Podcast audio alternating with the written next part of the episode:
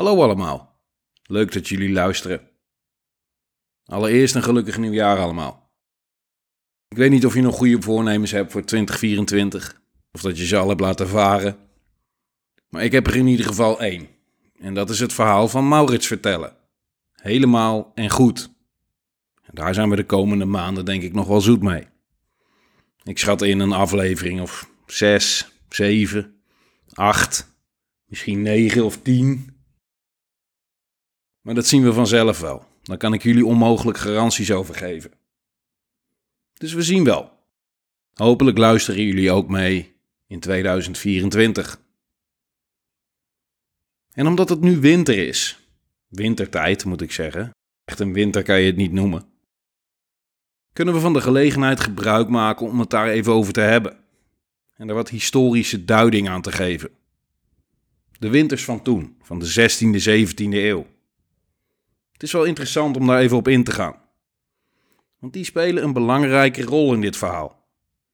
Deze periode wordt ook wel de kleine ijstijd genoemd. En klein is relatief, dan heb je het over een paar honderd jaar. Het is klein in geologische termen en dan is een paar honderd jaar niet veel. De kleine ijstijd houdt in dat de temperatuur op aarde gemiddeld 2 graden lager lag dan normaal. En in de 16e eeuw was dat nog lager. Dat betekende voor Nederlandse begrippen zeer koude winters. Er waren nog geen officiële temperatuurmetingen toen. Maar meteorologisch en historisch onderzoek heeft uitgewezen dat de winters van de 16e eeuw gekenmerkt worden door sneeuw en ijs, maandenlang. En structureel, jaar in jaar uit. Het begon vaak al in november en eindigde pas in maart. Pas midden 17e eeuw werden de winters iets milder. Nou, let wel, iets milder in vergelijking met nu. Vanaf het jaar 2000 zijn de winters pas echt mild geworden. Er is eigenlijk vanaf die tijd niet meer echt een strenge winter geweest. Er en der een kleine vorstperiode van een week, misschien twee. En als je geluk hebt, valt er een keer wat sneeuw, wat dan een paar dagen blijft liggen. Jullie kennen vast wel dat fragment uit een Amerikaanse reportage, die dan op het moment dat er weer eens geschaatst kon worden op de Amsterdamse grachten, een beeld scheppen van Nederland dat iedereen standaard in de winter schaatsend naar zijn werk gaat. Het fragment is geloof ik een jaar of tien oud ondertussen. Maar het wordt nog regelmatig gebruikt om het Amerikaanse kneuterige beeld van Nederland aan te duiden en te ridiculiseren. En terecht, want het is ridicuul. Omdat er dus zelden nog ijs ligt, maar ook omdat Nederlanders het dan niet zien als een standaard transportmiddel, maar puur als recreatie. En dat was in de 16e en 17e eeuw wel anders. En toen had dat Amerikaanse filmpje niet meer staan. Want toen had de schaats wel degelijk vooral praktisch nut en was het recreatieve bijzaak. Helaas was er toen nog geen tv en ook nog geen Verenigde Staten. Maar goed, schaatsen is wel degelijk een oer-Hollands kenmerk. Een traditioneel gebruik. Dat kan je echt in het rijtje van molens, klompen, kaas en tulpen zetten. Iets wat dus honderden jaren geleden al op grote schaal werd gedaan. Je kan het ook zien aan schilderijen en prenten uit die tijd. Het zijn vaak prachtige winterse taferelen. Met sneeuw en ijs, karakteristieke Hollandse landschappen met meanderende rivieren en slootjes, omgeven door pittoreske dorpjes en besneeuwde knotwilgen. En Iedereen is aan het schaatsen. Op die afbeelding is er duidelijk sprake van ijspret. Maar het was in die tijd ook een handig transportmiddel. Het gaat sneller dan te voet, dat sowieso. En in het waterrijke Nederland vaak ook sneller dan te paard. Vooral grote karavanen, legertreinen konden zich slechts traag verplaatsen door het moeilijke terrein. Zeker als er sneeuw lag. En dan was de schaats dus een goede uitkomst. En zo zat er ook een groot militair voordeel aan. Een veelal volledig genegeerd en over het hoofd gezien voordeel. De Nederlandse opstandelingen verplaatsten zich in de winter snel over bevroren meren en sloten. En compenseerden het Spaanse voordeel in mankracht en vuurkracht met mobiliteit. En verhoogden de operationele inzetbaarheid in de winter. En zo werden de Spaanse logge karavanen, als ze zich al konden of wilde verplaatsen in de winter, continu vanaf slootranden en oevers beschoten door kleine mobiele eenheden van geuzen en staatse legerdetachementen op schaatsen. De Nederlanders gebruikten de winters meer dan de Spanjaarden in hun voordeel. Dus ook dat is weer iets wat we mee kunnen nemen in ons achterhoofd. Dat als we het in dit verhaal over winters hebben, dan waren het ook echte winters. Met alles erop en eraan. Barre omstandigheden, snijdende kou, sneeuw en ijs, maandenlang. En zonder centrale verwarming en 16e eeuwse kleding en uitrusting. Tegenwoordig hebben we moordende energieprijzen. Toen hadden ze weer andere problemen. Maar laten we verder gaan. Of eigenlijk beginnen. Zonder verder oponthoud. Welkom bij Nederland in oorlog. Verhalen uit de Nederlandse krijgsgeschiedenis. Aflevering 27. Maurits deel 7. De slag om Turnhout.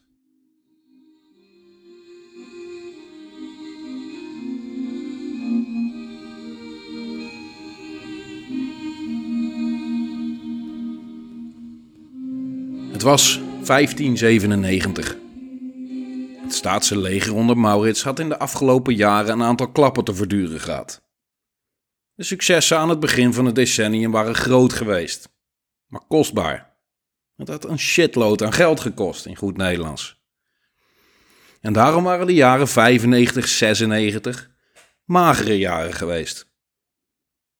Gelukkig was de aftakeling van de krijgsmacht beperkt gebleven en de verdediging van belangrijke steden gehandhaafd. En we moeten het ook niet overdrijven. Er waren een aantal dingen niet goed gegaan, zoals het beleg van Grol. Dat was mislukt. Met 6000 man een grote veldtocht beginnen was simpelweg te ambitieus gebleken. Hulst was na een bittere strijd in Spaanse handen gevallen en Maurits was niet bij machten geweest om het te ontzetten. En dan hadden we nog het fiasco bij Hoei. Een aantal tegenslagen dus. Het ging iets minder goed. Maar geen paniek. Iets minder goed is niet meteen slecht. Dit is een oorlog van de lange adem. Het gaat met ups en downs. Nederland had even de wind vol in de zeilen gehad. Die wind was een beetje gaan liggen nu. En die kan ook weer gaan draaien. Maar goed, nogmaals geen reden tot paniek. We zaten nog steeds goed in de wedstrijd. Als je de Spaanse en Nederlandse successen tussen 1591 en 1596 naast elkaar zet, staan we nog steeds dik voor. En aan die successen hangt een prijskaartje. Zo simpel is het. Nederland had een paar jaar lang alles in de strijd geworpen wat dat betreft. En het had bijna alles kunnen behouden wat het had gewonnen. Maar voor grote offensieven was simpelweg geen financiële ruimte meer geweest in de afgelopen jaren. De Spanjaarden hadden dat wel gehad. Die hadden gewoon meer geld, diepere reserves, meer financiële ruimte. Maar erg lekker ging het ook niet met ze wat dat betreft. Die gingen continu over hun budget heen. Gaven meer uit dan dat er binnenkwam. Ze hadden dan wel meer geld, maar ze gingen er ook minder handig mee om. Of minder handig. Het waren een stel prutsers op dat gebied. Hoe moeilijk kan het zijn om je soldaten gewoon een keer netjes te betalen? Heel moeilijk blijkbaar, want het lukte ze vaak niet. Of vaak niet, bijna nooit. Wanneer eigenlijk wel, vraag ik me nu af. Is er één moment geweest in de afgelopen tien jaar, die we nu besproken hebben, dat het wel goed ging? Volgens mij niet. Niet één keer dat het vlekkeloos ging. Elke keer weer achterstallige soldij, geen betalingen ontvangen, onvrede, muiterijen. En het excuus wat ze ervoor hadden, we zitten ver van Madrid en het is niet zo makkelijk om al dat geld elke keer op tijd netjes bij de troepen te krijgen, gaat zo langzamerhand niet meer op. Want waarom regel je dat niet dan? Waarom blijven jullie zo structureel aanmodderen? Ik zou even op zoek gaan naar een praktische oplossing. Misschien is het ook de urgentie die ontbrak. Ze hadden het altijd zo gedaan en ze waren er altijd mee weggekomen. Dat stukje arrogantie van de grootmacht. Wij hoeven dat niet handig te regelen, want we kunnen gewoon steeds weer een leger op de been brengen. En als die weer gaan muiten, weer een leger. En voor hun tien anderen. Het is misschien inefficiënt en onhandig, maar zo erg is dat niet. Uiteindelijk wint het machtige Spanje toch. Nou Spanje, ik moet jullie toch even waarschuwen. Het lijkt nu misschien onmogelijk, het lijkt vergezocht, maar wie weet, op termijn, als jullie zo doorgaan, wie weet kan deze opstand uitgroeien tot iets wat je echt niet meer in de hand hebt. En dan ben je te laat. En wie weet, wie zal het zeggen, kan je deze oorlog nog verliezen ook. Maar zover was het nog lang niet. Voorlopig is het onduidelijk wie er aan het langste eind gaat trekken.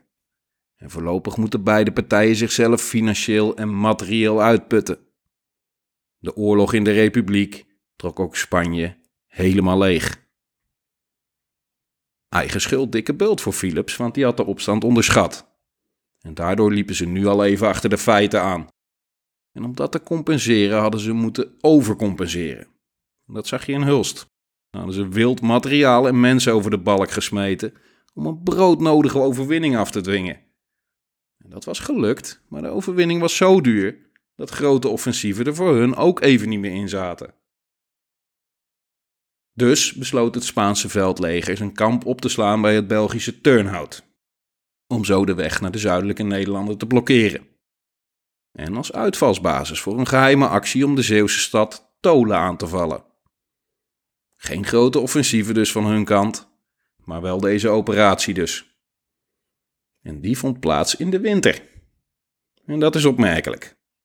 Offensieven in wintertijd waren zeldzaam, zeker toen. En daarom is er voordeel te behalen om het juist wel te doen. Alles wat voor de vijand onverwacht is, kan voordelig zijn. De Duitsers noemden het niet voor niets Angriefwetter. De tegenstander heeft er ook last van. En in de herfst zakt alles in de blubber weg. Maar in de winter is er harder ondergrond. En dat is niet ongunstig. Maar goed, dat is alleen als er geen sneeuw ligt. Want sneeuw is moeilijke ondergrond voor verplaatsing. En de kou geeft weer andere praktische problemen natuurlijk. Vandaar dat de meeste commandanten ervan afzagen. En dat de meeste offensieven in de lente of de zomer plaatsvonden. En vinden. De Spanjaarden hadden zich verzameld bij Turnhout. En stonden onder leiding van graaf Varax.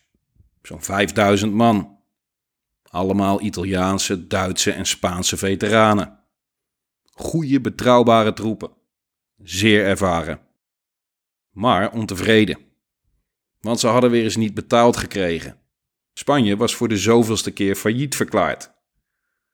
De Spaanse troepen waren op zichzelf aangewezen. Die moesten maar zien hoe ze aan eten kwamen. En dat gaf overlast, want de omgeving werd continu geplunderd. Dit kon zo niet langer, vond de Staten-generaal. Dit moest een halt toegeroepen worden. En aangezien de Spaanse troepen nu niet in al te beste staat zijn, is dit het juiste moment. We vallen aan. Maurits kreeg dus van de Staten-generaal de opdracht om een legermacht te verzamelen bij Geertruidenberg, om de Spaanse dreiging het hoofd te kunnen bieden. Turnhout was strategisch belangrijk, maar het had geen stadsmuren. Het had een klein kasteel, omgeven door een gracht en een garnizoen van 40 man. Maurits verzamelde een legermacht van 6000 man infanterie en een paar kanonnen. Zeg maar drie kwart daarvan stond onder zijn directe bevel. Het andere kwart waren Engelsen. En die werden wederom geleid door good old Francis Vere. De crème de la crème van de Engelse landmacht was hier te vinden. 1500, 2000 man. Het was een betrouwbare vaste kracht in het staatse leger geworden. Het contingent Britten werd goed getraind en waren zeer gedisciplineerd. Het had een grote aantrekkingskracht op Engelse edellieden om het militaire vak te leren en om ervaring op te doen. Onder andere het jongere broertje van Francis, Horace Vere, zou hier ook zijn militaire carrière beginnen. Het beste en meest ervaren deel van de Engelse landmacht had jarenlang het privilege om onder Maurits te dienen. En dat beste en meest ervaren deel waren ze geworden door onder Maurits te dienen. Want nergens anders ter wereld werd er zoveel en zo professioneel gevochten als in de Republiek op dat moment.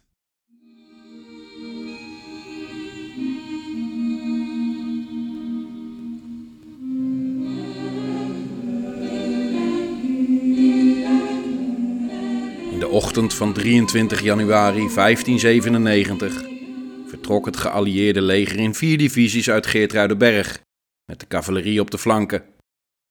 In een eendaagse gedwongen mars van 38 kilometer over slechte wegen kregen ze het voor elkaar om 5 kilometer ten noordoosten van Turnhout uit te komen, vlak bij de Spanjaarden en onopgemerkt. Daar sloegen ze hun kamp op. Klokslag 12 uur, op middernacht braken de Nederlandse en Engelse troepen hun kamp op. In het holst van de nacht en nog steeds in het diepste geheim verplaatsten ze zich naar de rand van Turnhout. En daar werden ze opgemerkt door Spaanse verkenners. Toen de Spaanse commandant Varax hoorde over het staatse leger, zo dichtbij, besloot hij niet af te wachten. Hij vond Turnhout te zwak om te kunnen verdedigen en liet zijn leger terugtrekken naar het versterkte stadje Herentals. Bij het aanbreken van de dag was de hele Spaanse troepenmacht op weg. Maurits ontdekte al snel dat de laatste Spanjaarden net voor zijn aankomst uit het dorp waren vertrokken. Hij besloot de achtervolging in te zetten. Bij de oevers van de rivier de A kwam het tot een eerste treffen met de Spaanse achterhoede. Spaanse musketiers waren aan de overkant gestationeerd om een oversteekpoging te beletten. Maar dat mislukte, want de Nederlandse voorhoede dwong ze al snel terug. En die begonnen in rap tempo de rivier over te steken. Musketiers staken de brug over, terwijl anderen, samen met de cavalerie, de rivier bij een doorwaadbare plaats overstaken. Keurig georganiseerd, informatie en snel. De Nederlanders waren opvallend agressief. Ze roken bloed. De voorhoede voerden een running battle met de Spaanse achterhoede. Dat wil zeggen dat de Spanjaarden op korte afstand werden achtervolgd en werden aangevallen, waardoor ze gedwongen waren om zichzelf te verdedigen om de Nederlanders van zich af te houden. Deze gevechten gingen acht kilometer lang door. De Spanjaarden waren in volle terugtocht, de Nederlanders in volle opmars. Maurits gaf het bevel aan zijn volledige cavalerie om ze te achtervolgen, waarbij de infanterie en artillerie ver achterbleven. Een potentieel riskante zet. cavalerie heeft ondersteuning nodig. Maar hij wilde de Spanjaarden geen rust geven dat was nu het belangrijkst. Ten alle tijde vuurcontact houden. Nu kan je ze pakken in de terugtocht. Geef ze geen kans nu ze in relatieve wanorde zijn. Want dat verandert als ze in een sterke verdedigende positie zitten. Als je ze wil pakken, moet het nu, voordat ze herentals bereiken, wist Maurits. Francis Veer ging samen met 16 ruiters in de achtervolging, in het volle zicht. Op eigen initiatief zelf helemaal vooraan, met groot persoonlijk risico. Ik heb het eerder gezegd, het was geen bange man. Die deinsde er niet voor terug om zijn handen vuil te maken, om zelf actief deel te nemen aan het gevecht. Nou hadden de meeste commandanten daar geen moeite mee trouwens. Willem Lodewijk en Maurits zelf ook. Die schuwden het gevecht ook niet. Die stonden zo af en toe ook vooraan. Om net dat setje te geven, dat stukje inspiratie aan je troepen maar meer als een soort statement dus, om een punt te maken. Je moet jezelf niet volledig laten gaan natuurlijk. Als je jezelf midden in het gevecht bevindt, heb je minder overzicht. Je moet het dus goed doseren. Niet te veel of te snel mee willen doen. Jezelf niet laten meeslepen. Want je moet er als commandant boven staan. Je moet je kop erbij houden. Bij Francis Veer heb ik een beetje het gevoel dat hij het niet kon laten. Dat hij zich wel liet meeslepen en zo af en toe behoorlijk roekeloos te werk ging. En dat hij zich daardoor regelmatig in gevaarlijke situaties bevond. Het is een interpretatie, maar zo komt het over. Dat hij zich altijd schreeuwend in de strijd wierp, als hoge officier, lijkt me onverantwoord. Zijn moed, daar kunnen we kort over zijn. Die was groot. Het was een echte krijger. En hij bevond zich dus ook hier bij Turnhout weer midden in de strijd. Tijdens de gevechten zag hij kans om een verzoek naar Maurits te sturen voor versterking. En die gaf daar gehoor aan, maar het had even tijd nodig voordat die aankwamen. Voorlopig zat hij daar, helemaal vooraan, met een klein groepje ruiters. Hij werd van zijn paard geschoten, waarbij hij licht gewond raakte aan zijn been, maar hij bleef te voet leiden totdat hij weer op zijn paard werd geholpen. Hij raakte weer eens gewond dus. Volgens mij staat de teller nu op vier. En het kan zijn dat ik er nog één of twee over het hoofd heb gezien ook. Maar goed, hij kon door dus en hij ging door, zonder enige terughoudendheid. Op andere plaatsen waren er ook langdurige gevechten bezig tussen de Nederlandse voorhoede en de Spaanse achterhoede. Die schermutselingen duurden meer dan drie uur, totdat de hoofdmacht van de Nederlandse cavalerie arriveerde. Die dreven de vijand verder en verder terug. De Spanjaarden waren inmiddels op de Tielenheide aangekomen. Open terrein, zeer geschikt voor cavalerie. Maar daar had de vijand een middel tegen.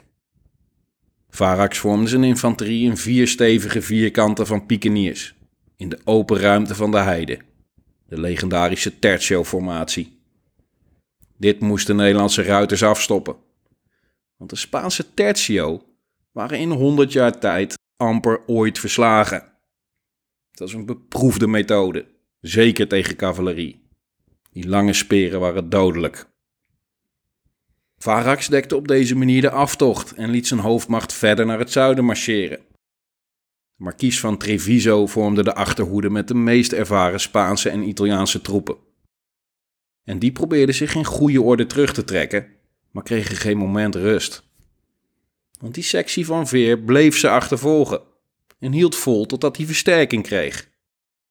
De hoofdmacht van de Nederlandse cavalerie vormde zich vervolgens op de heide voor de Spanjaarden klaar om aan te vallen. De Spaanse hoofdmacht zette ondertussen gestaag de mars voort. Nog steeds in de aftocht, nog steeds van plan om een grote confrontatie te vermijden en zich naar de vesting te begeven. Ja, even tussendoor. Wat zien we hier gebeuren? Dat een Spaanse commandant een plan heeft en zich daaraan vasthoudt. Namelijk terugtrekken op een versterkte positie om het tactisch voordeel te kunnen verkrijgen en een veldslag vermijden. Maar de veldslag was al aan de gang. Die was niet meer te vermijden. Toch hield hij zich, halstarrig aan dat plan vast, en weigerde te anticiperen op de situatie zoals die was. Soms is het niet anders, dan moet je eraan geloven of je nou wil of niet. Dat de situatie niet gunstig is voor je en dat je het graag anders had gezien, doet niet meer ter zake. Je moet nu reageren. En dat deed de Spaanse commandant niet. Of niet adequaat in ieder geval. Niet voldoende. En daardoor kreeg een deel van zijn leger het moeilijk. Want de achterhoede die de hoofdmacht moest dekken kwam steeds meer onder druk te staan. Begon er ingesloten te raken. Na een aantal spectaculaire Nederlandse aanvallen met dodelijke salvo's sloegen ze op de vlucht. Varax ging nu ook zijn cavalerie inzetten om de terugtrekkende troepen te beschermen. En dat was niet zomaar cavalerie. Dat was het beste wat Spanje had op dat gebied. Met beroemde escadrons van onder andere Mondragon en Mendoza. Mondragon, kennen we die nog? Dat was die 92-jarige Spaanse generaal. En die had een club getrouwen onder zich. Zijn persoonlijke lijfwacht eigenlijk. Absolute elite. Mensen die zich door jarenlange trouwe dienst hadden onderscheiden. Allemaal Spaanse en Italiaanse edellieden. En zelden tot nooit verslagen. Maar hier kwamen ze ineens in een hachelijke positie te zitten. Want zodra ze het slagveld betraden, werden ze direct van twee kanten aangevallen. Graaf Hohenlohe viel de rechterflank aan en Francis Veer hun achterkant. Ze werden van alle kanten beschoten en gedomineerd door de Nederlanders. De verrassing was compleet. Dit hadden ze nog nooit meegemaakt. Zij domineerden normaal gesproken. En nu werden ze, totaal vanuit het niets, zelf gedomineerd. De Nederlanders hadden een troefkaart in handen. Een nieuw type cavalerie. Hier kom ik zo op terug. De Spaanse ruiters werden hard getroffen bij de aanvallen en leden zware verliezen. En het duurde niet lang of ook zij trokken zich terug. Of beter gezegd, ze sloegen op de vlucht. De Spaanse cavalerie was verdreven. Nu vielen de Nederlanders de gedesorganiseerde Spaanse infanterie aan. Die probeerden nog een sterke linie te formeren, maar het moreel was laag omdat ze hun cavalerie hadden zien vluchten. Toen ze in de verte zagen dat er ook nog een massa Nederlandse infanterie aankwam, braken ze. Daar kwam de Nederlandse hoofdmacht aan. De Spaanse musketiers trokken zich in verwarring en wanorde terug op de pikeniers achter ze. Maar een massale cavalerie-charge zorgde ervoor dat de hele formatie zich massaal overgaf. Weer een hele tertio was gevallen. Het zag er slecht uit voor de Spanjaarden. Er begon zich een doemscenario af te tekenen. Maar het was nog niet voorbij. Ze wierpen nu alles in de strijd om het tij nog te keren. Een aantal regimenten, zeer ervaren infanterie, konden zich in formatie opstellen en dapper weerstand bieden. Maar het was tijdelijk. De Nederlandse ruiters reden zeer dicht bij de rijen van de Spaanse infanterie en vuurden hun pistolen en karabijnen op korte afstand af. Het veroorzaakte een waar bloedbad. Rij na rij werd neergemaaid. En het duurde niet lang of ook zij bliezen de aftocht.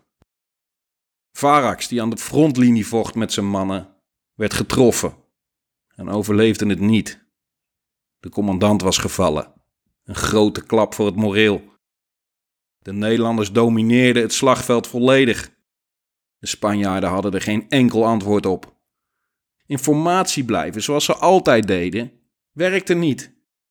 Terwijl de beste en meest ervaren Spaanse troepen in het centrum nog vochten, werden troepen in de frontlinie en aan de achterkant tegelijkertijd verpletterd. Het vuur van de Nederlandse cavalerie zorgde dat er openingen ontstonden in de Spaanse gelederen, waardoor ze naar binnen reden en de formaties van binnenuit begonnen aan te vallen. Het laatste beetje organisatie viel weg.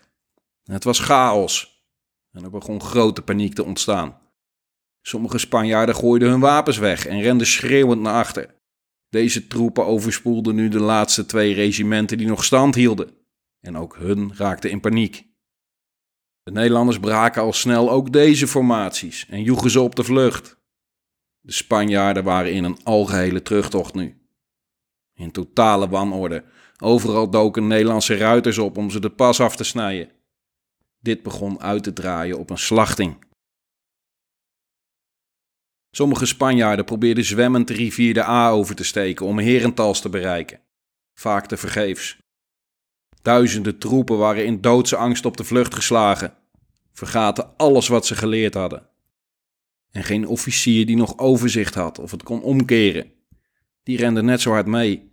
De paniek had ook hun volledig in de greep. Ja, paniek op het slagveld. Het is zo oud als de weg naar Rome. Ouder nog. Phobos noemden de oude Grieken dat fenomeen. En Phobos is besmettelijk en gevaarlijk. Want als legers op de vlucht slaan, als formaties uit elkaar vallen en linies beginnen te vallen, dan trekken ze de rest mee. En als je de vijand de rug toekeert, kan de slachting echt beginnen. Dan vallen van oudsher de meeste slachtoffers. Dan gaat de cavalerie erachteraan en die kunnen dan onbekommerd tekeer gaan. Dus behouden formaties, blijven staan, anders ben je nog veel verder van huis. Maar ja, makkelijker gezegd dan gedaan, dat bleek wel. Daar is zeer sterke cohesie en discipline voor nodig. En zelfs dat, dat zag je bij die ervaren Spaanse veteranen, zelfs dat kan je dan niet meer redden. Dan is het gewoon reptiele brein, doodsangst die het overneemt, overlevingsdrang. Dan gaat het mis. En dat gebeurde hier bij de slag bij Turnhout, of de slag bij Tieleheide dus ook. De Spanjaarden werden uit elkaar gedreven, hun organisatie werd verstoord, hun flanken werden bedreigd. En boem, er ontstond paniek en de hele zooi begon in een ongecontroleerde vlucht zichzelf te redden. En die werden nu door achtervolgende cavalerie belaagd. De Spaanse infanterie werd, ik citeer, met vreselijk bloedvergieten neergemaaid. Einde citaat. In de pan gehakt. Hier bij de terugtocht alleen al vielen honderden slachtoffers. Van een gevecht was al lang geen sprake meer. Het Spaanse leger was een weerloze prooi geworden. De Nederlandse cavalerie in de achtervolging, het roofdier. En het had honger. Het ging zich te buiten. Het was een feestmaal. En voordat we straks nog medelijden gaan krijgen met de Spanjaarden. Dit waren geen prooien. Geen arme slachtoffers die zich niet konden verweren. Zij waren zelf roofdieren. Het hart van de Spaanse krijgsmacht. De meedogenloze elite. Ervaren moordenaars, doorgewinterde professionals. Maar hier, bij deze veldslag, had de tegenstander het initiatief. Was de tegenstander, het Nederlandse leger, professioneler en meedogenlozer. En zo werden op deze gedenkwaardige dag op de Tieleheide bij Turnhout de moordenaars vermoord.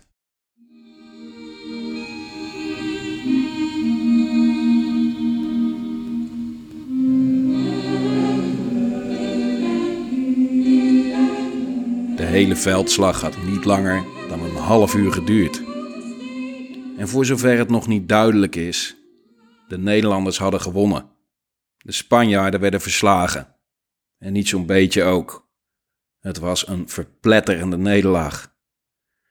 Restanten van de Spaanse eenheden slaagden erin zich terug te trekken naar Herentals, waar Nicola Basta het commando overnam en de overlevenden verzamelde. Stel je even voor hoe die erbij stonden. Trillend, huilend, lijkbleek.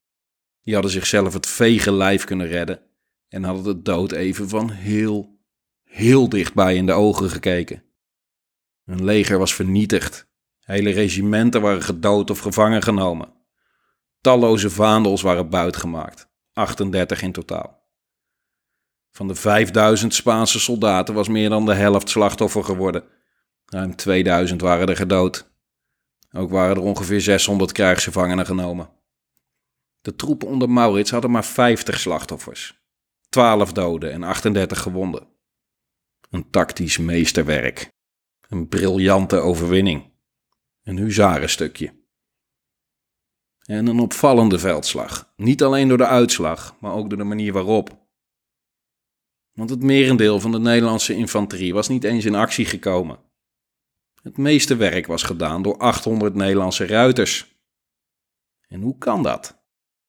Normaal gesproken is autonoom handelende cavalerie kwetsbaar en beperkt effectief. Ik zal het je uitleggen.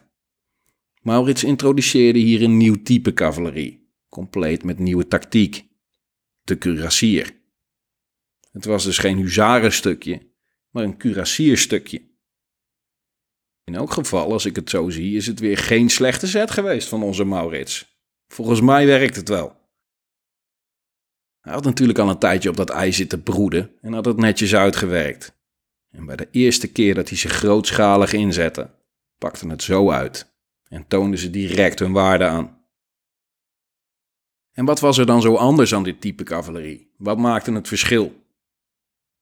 Snel gezegd, mobiliteit, vuurkracht, tactiek. Kurassiers hadden namelijk lichte harnassen en helmen en waren daardoor bewegelijk en flexibel. Ze waren bewapend met pistolen, karabijnen en zwaarden. Vaak meerdere pistolen per man, zodat ze in korte tijd veel schade konden aanrichten.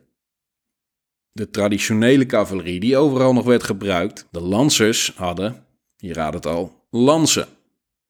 Die waren minder bewegelijk door hun zware bepansering en ze hadden geen vuurkracht. En dan was er nog de tactiek. In plaats van in een dunne linie chargeerden ze in dichte formaties, ongeveer acht rijen diep, en vuurden alleen hun pistolen af als ze heel dicht bij de vijand waren. En dat werkte, dat bleek wel. Want deze fonkelnieuwe, kakelverse troepen, het laatste snufje, de nieuwste gadget van Maurits zullen we maar zeggen, die kregen het voor elkaar bij hun eerste grote optreden hier op de Tielenheide alleen gesteund door wat lichte infanterie, om niet alleen hun directe concurrent te verslaan, de zware cavalerie van de Spanjaarden, maar ook om de gevreesde tertio te verslaan. Dat was nog vrijwel nooit vertoond. Ik heb het al eerder gezegd, de tertio was al honderd jaar dominant op het slagveld. En zeker de Spaanse tertio, een combinatie van pikeniers en musketiers. Opererend in grote, machtige, vierkante blokken Log, maar ijzersterk. Maar hier werd die haast ondoordringbare formatie uit elkaar geslagen en in de pan gehaakt. De cuirassier had daardoor bij zijn debuut meteen een onuitwisbare indruk gemaakt. Maurits had weer een revolutie teweeggebracht, dit keer met een nieuw type cavalerie dus. En zoals gewoonlijk werden die veranderingen vrijwel direct overgenomen door andere Europese legers. En nu dus ook. Overal in Europa werden eenheden met kurassiers opgericht om lancers te vervangen. De Spanjaarden zouden dat pas veel later doen. Die olietanker keerde traag, ook dat is bekend. Ze trokken overigens wel hun conclusies na dit debakel.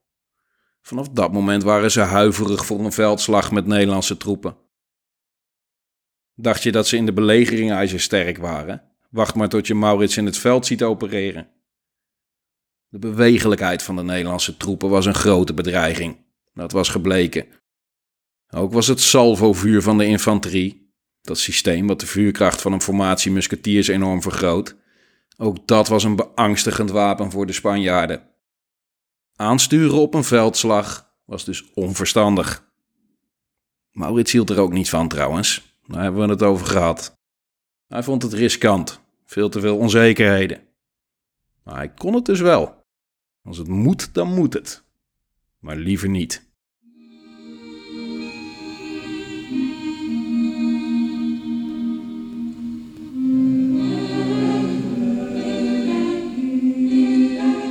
Die nacht rusten de overwinnaars uit bij Turnhout. Of rusten ze uit, ze zullen er vast een pilsje op gedronken hebben. En de volgende ochtend gaf het geschokte en kleine garnizoen van het kasteel zich over. En zo viel de stad in Nederlandse handen. Maar lang zou het niet duren. Er waren namelijk Spaanse versterkingen onder leiding van Albrecht onderweg. En het ging niet lang duren voordat hij zou arriveren. Met een groot leger, twee keer zo groot als dat van Maurits. Er was niet genoeg tijd om fatsoenlijke verdedigingswerken te bouwen en stadsmuren had Turnhout niet. En zo moest Maurits zich na een paar dagen al terugtrekken. Zijn leger begaf zich weer naar Geertruidenberg. Dus ja, buiten de verliezen die ze de Spanjaarden hadden toegebracht, de grote tactische overwinning die ze hadden behaald, en de morele klap voor de Spanjaarden, leverde de slag bij Turnhout dus niet echt strategisch voordeel op. Behalve dat de Spaanse opmars naar Zeeland afgestopt was en hun eventuele ambities in die regio voorlopig de prullenbak in konden. Op 8 februari keerde Maurits terug naar Den Haag. Daar waren ze wel te spreken over het resultaat. De overwinning werd groots gevierd. De veroverde Spaanse vlaggen werden tentoongesteld in de Ridderzaal, in wat tegenwoordig het paleis op de Dam is. Een van die vlaggen zou trouwens te vinden moeten zijn in het Nationaal Militair Museum in Soesterberg. Ik heb hem helaas niet kunnen vinden. De Spaanse gevangenen werden vriendelijk behandeld en de gewonden werden verzorgd. Het lichaam van de gesneuvelde Spaanse commandant Varax werd naar de aartshertog Albrecht gestuurd.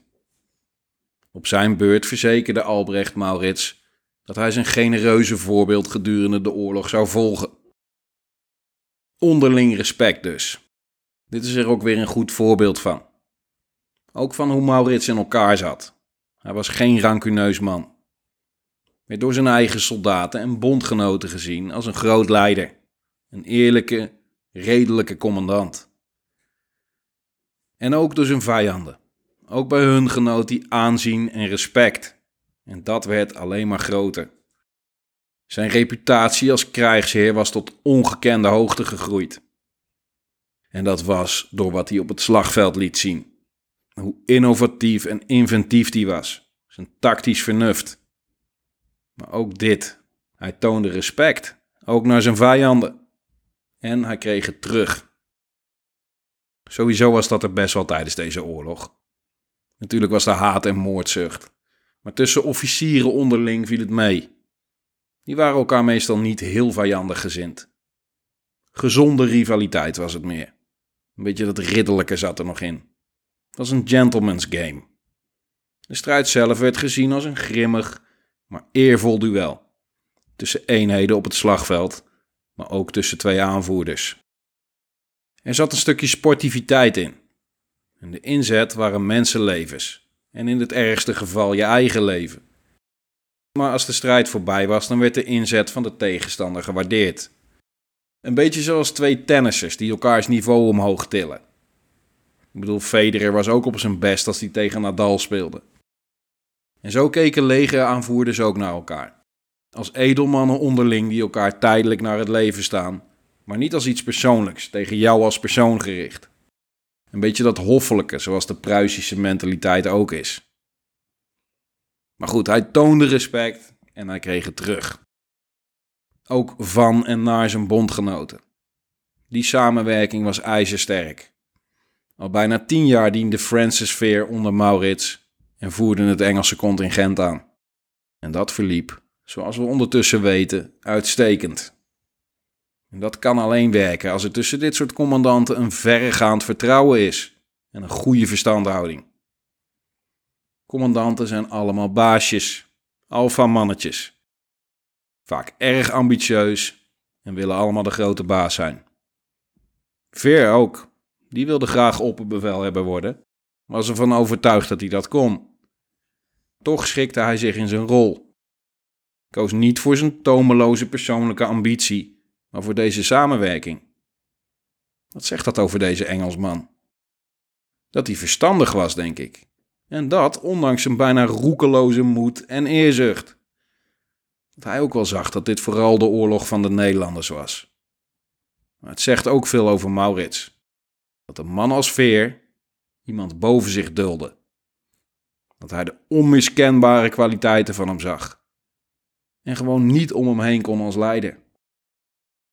En dat alles wat hij nu was, een gevierd en succesvol officier, dat dat mede te danken was aan Maurits. Dienen in dit leger betekende overwinningen. Dat besefte Veer ook. Zijn persoonlijke glorie was verzekerd. Meer nog dan als hij zelf de lakens ging uitdelen. De Engelsen, Veer en nog meer van zijn commandanten hadden zich tijdens de slag bij Turnhout weer sterk onderscheiden. Veer was gewond geraakt en had zich heroïsch gedragen.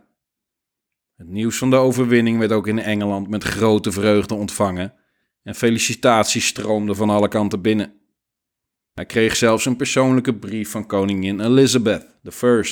Ze schreef, ik citeer: Het is goed nieuws om te horen dat door de recente nederlaag bij Turnhout uw aanwezigheid en die van de andere Engelsen in dienst zowel uw eigen reputatie als het succes hebben bevorderd. Wij willen onze waardering uitspreken over wat we horen over uw diensten. Einde citaat. En zo zijn we alweer aan het einde gekomen van deze aflevering. We zitten in het voorjaar 1597 en er was groot succes behaald. Turnhout was een turning point. De veldslag op de Tieleheide was direct legendarisch. En nu nog steeds. Veel mensen zal het, zoals veel over deze geschiedenis, weinig zeggen. Maar geloof me, in militaire en militair-historische kringen is het wel degelijk nog steeds belangrijk. Het is een van de grootste wapenfeiten van onze cavalerie, dat sowieso. Het is een teken dat vernieuwing op het slagveld werkt. Op zoek blijven naar nieuwe technieken, tactieken en methodes. Het kan goed uitpakken. En dat pakte hier goed uit. Het pakte uniek goed uit. Uitzonderlijk goed. Een eenzijdige tactische overwinning zoals we die zelden zien. Met zeer lichte verliezen aan onze kant en zeer zware verliezen aan hun kant. En nogmaals, de grotere strategische gevolgen waren marginaal. Maar de overwinning leverde wel veel op. Frisse moed, hoog moreel. We kunnen ze hebben, ook in het veld. Het tij was gekeerd, de moeizame jaren waren voorbij. Het smaakte naar meer.